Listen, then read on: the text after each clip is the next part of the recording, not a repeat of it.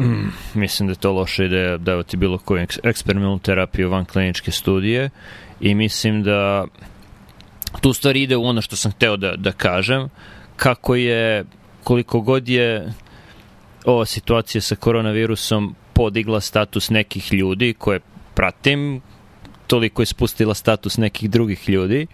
Pre svega mislim na ekonomiste koji nemaju nikakav uvid u to kako medicina funkcioniše i koji sada agresivno guraju e, što pre odobravanje eksperimentalnih terapija bez svih kliničkih studija.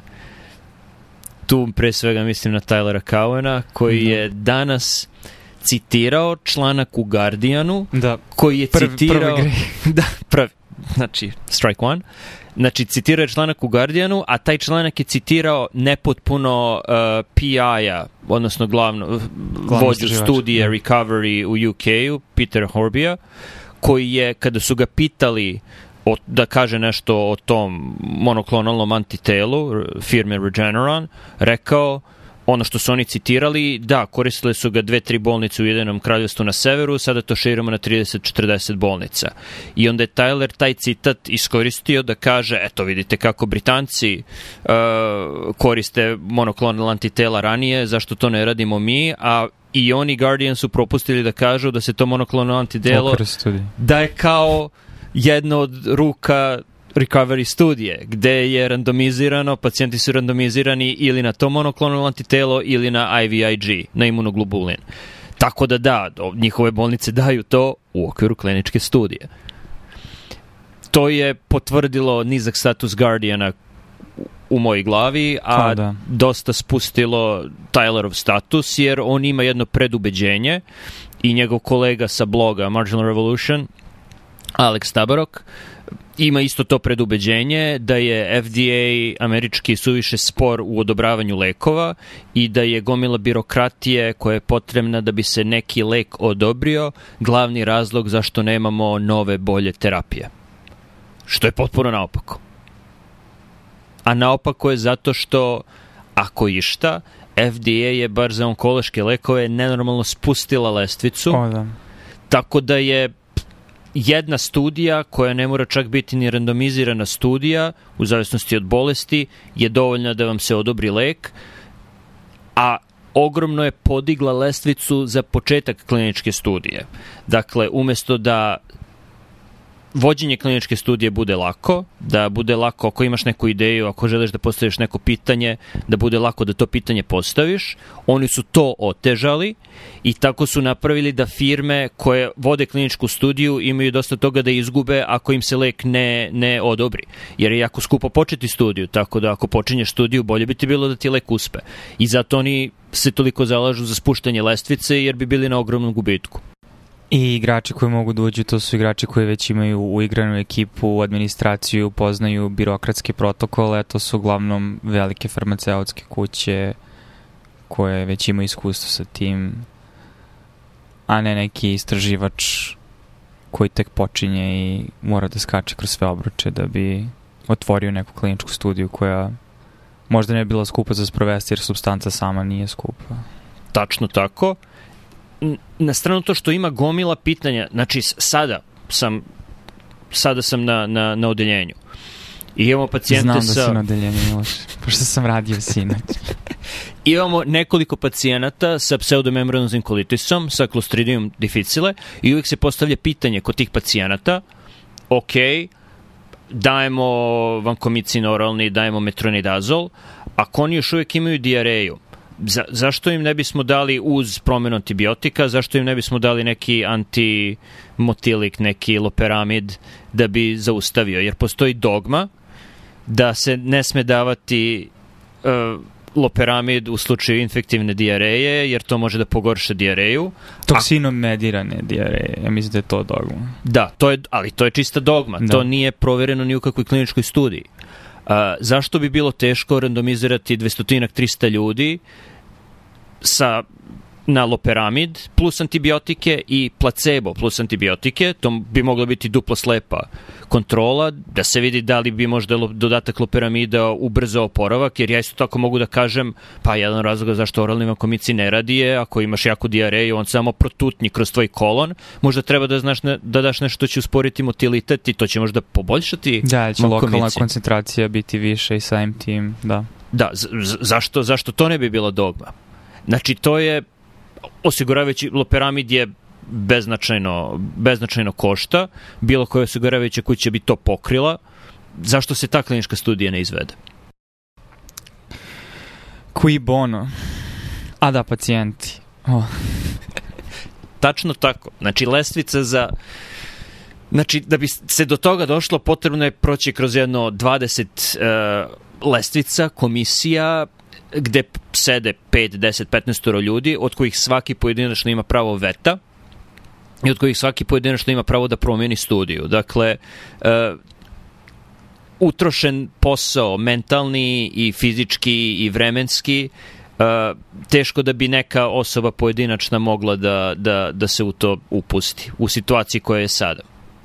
U, u situaciji koja je sada postavljena sa gomilom birokratija koja ti je potrebna ali u zdravstvenim sistemima koji su više um, znači finansiraju se iz državnog budžeta ima smisla da se takva studija sprovede jer oni imaju postice jer to možda znači da je ishod ako ništa drugo povećava zdravlje populacije inkrementalno i sa druge strane skraćuje bolnički boravak, upotrebu antibiotika, znači sva merila koje su njima bitna. Dok je farmaceutskoj kući bitno da li će prodati lek ili ne, ali s obzirom da je ovo generički lek nije toliko relevantno, me zanima da li onda znači iz budžeta Medikera može da se oformi neki korpus koji bi radio takve vrste kliničkih studija? Na primer, ili bi takva studija mogla da se izvede u VA sistemu? Ili u VA sistemu. Znači, to, to bi, a, ako bi se ta studija radila u Americi, to bi moglo tako da se izvede, ali opet, i da bi VA počeo takvu studiju, oni moraju jednaki broj koraka da, da prođu da bi je otvorili. Miloš, objasni ljudima kod kuće šta znači VA. VA je Veteran Administration, to su bolnice za veterane koje su poznate po niskom kvalitetu usluga koje se pruže. A finansirane su? Finansirane su od strane poreskih obveznika, da. Tako da je bilo koje lečenje koje se tu radi je besplatno. Za ono ko, ko, ko prima usluge. E, tako da. Da, da se vratim na Loperamid, mislim, zanimljivo je kako možeš da daš kako bi pravo plausibility, mislim... Uh, kako možeš da daš objašnjenje. Objašnjenje, ali možda daš biološko objašnjenje i sa jedne i sa druge strane što se tiče korišćenja antimotilika. Tako da nekako radiš na kogu su mi u stvari žrtve svojih modela i priča koje pričamo i narativa, a to možda sada se povezuje sa narativima u nauci i skorašnjim gostovanjem Johna Jonidisa na jednom podcasta koje bojte slušamo, a koji opet uređuje i, i drži gore spomenuti kolega. Vinaj, da. Uh, da, to je velika opasnost. I groblje lekova i groblja generalno su puna terapija i pacijenata koji su primali lekove koji su bili koji su imali biološko objašnjenje zašto bi trebalo da funkcionišu, popet nisu funkcionisali. I mislim da je ok, možemo da kažemo neka Britanija, neka Nemačka, neka Italija, Australija koje imaju uh, državno zdravstvo, neka one vode te, velik, te studije već postojećih lekova gde hoće da uštede nešto. Uh, za, a, a, neka se onda u Americi vode nove, nov, novi lekovi, neka se ispituju, kao ta monoklonalna antitela. Za, i to je razumno, to je, to je u redu. Ali sa ovim postavljanjem da je jako teško početi kliničku studiju i da mnogo toga zavisi toga da ona uspe, E, farmaceutskoj kući treba neki takav narativ da bi sebi dala izgovor i da bi sebe ubedila da da, to, ta terapija koju u koju ulažemo sve, u koju sve naše resurse stavljamo da bismo izveli globalnu multicentričnu studiju sa 1000, 5, 10.000 pacijenata. Treba nam što više pokrića da, da napravimo narativ, da napravimo priču zašto će to da uspe. Ali taj narativ je takođe neophodan za dizajn web sajta i jako lepih grafika koji se onda štampaju na džinovskim posterima i šire po konferencijama koje posećuju lekari i zdravstveni radnici koji su takođe ljudi i mnogo ti je lakše da misliš da razumeš nešto ako vidiš to kao jednostavno objašnjenu priču koja se lepo sliva iz jednog u drugog. A ono što se više počinje da shvatam je da u velikoj meri pocenjujemo veličinu i, i uticaj poluga koje povlačimo intervencijom na ljudski sistem i da nekada poistovećujemo stvari koje međusobno su ono red veličina efekta u smislu da insulin je jedna od velikih poluga u telu. Kada staviš insulin u telo, velika stvar se desi. Ali mislim da sada nekako sve više shvatamo koliko postoji redundantnost u biološkim sistemima i mnoge stvari i mnoge substance ne povlače iste pologe na taj način. Mislim, primjer toga kako ono imaš ljude koji se izlažu ksenobioticima voljno ili nevoljno, koje mi sve, jetra sve isprocesira na kraju šta ostane od toga, šta ostaje posljedice na tvoj organizam, ne možeš da znaš ništa akutno, verovatno. Mislim, Šulgin, onaj Aleksandar, što je u svojoj domaćoj radinosti sintetisao na desetine, ako ne i stotine novih psihoaktivnih substanci koje eksperimentisao na sebi, čovjek je živeo normalan životni vek, a konzumirao je sve to, znači nije umro, mislim, znači očigledno je njegovo telo isprocesiralo, izmetaboliziralo sve to.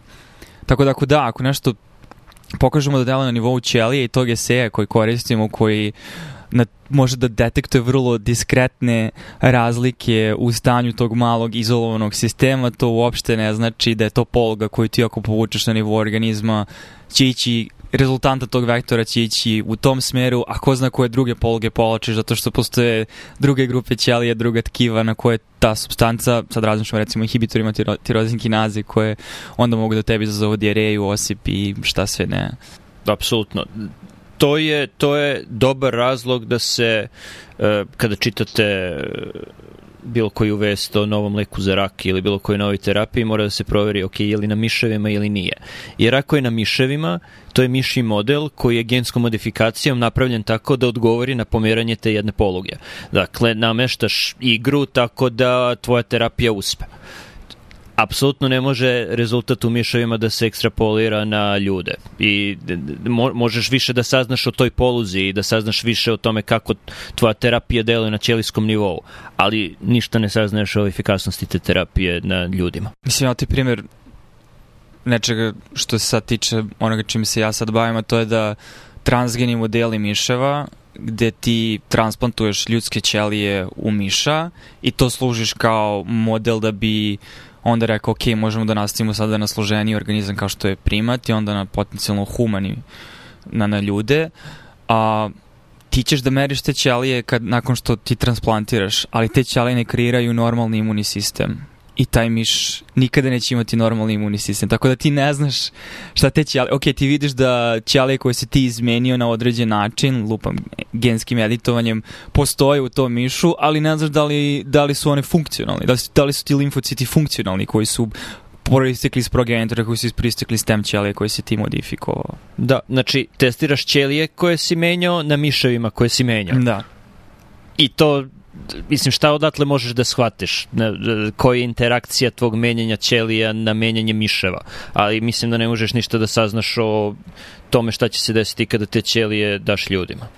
Da. Mislim, shvataš jedan nivo, jednu dimenziju prirode, ali mislim da ono što često zaboravljamo je koliko je ta dimenzija samo jedan deo veće priče ili koliko uh, je ta dimenzija potencijalno ne toliko relevantna na ljudima. I naravno, postoji drugi način, ne možeš sad nasumično da radiš stvari na ljudima, mislim, ali mislim da treba da I ono što ja počinjem sve više da cenim je koliko su naši modeli fragilni na labavim nogama i, i u velikoj meri pogrešni jer dozvoljavam, znači ti dobiješ neki rezultat u laboratoriji i onda to reprodukuješ možda još jednom dva puta, vazono si ok, ova kriva ide, imao sam tri uzorka, možda su igrom slučaja bili grupisani dovoljno blizu jedan drugog, tako da nema, da ništa ne štrči, samim tim nastavljaš dalje i, i mislim sledeći korak, korace, ideš u sledeće korake, ali um, ne znam, sve, moja nesigurnost samo rasti iz godine u godinu. Pa da, i zato mislim da u stvari ekonomisti, da se vratimo na početak i završimo ovo, pošto smo dosta vremena proveli, um, mislim da ekonomisti imaju dobru ideju u tome da treba FDA da promeni nešto što radi, ali da je pogrešno usmereno. Ne treba to da usmere ka odobravanju lekova, treba da usmere ka lestvici, ka lestvici koja je potrebna da se pređe da bi se otvorila klinička studija. Znači, nije pitanje ubrzavanja i olakšavanja odobravanja lekova, pitanje je ubrzavanje i olakšavanje ispitivanja lekova na ljudima. Jer samo na, na ljudima može da se vidi koji je efekt u nekoj bolesti i koje su neželjena dejstva životinje mogu da daju neku blagu ideju o neželjenim dejstvima, mogu da pomognu u tome koja će se doza sa kojom će se dozom početi eksperimentisanje na ljudima, što to i jeste, ali ne može nam ništa reći o tome da li će ta terapija delovati kod ljudi. Potpisujem.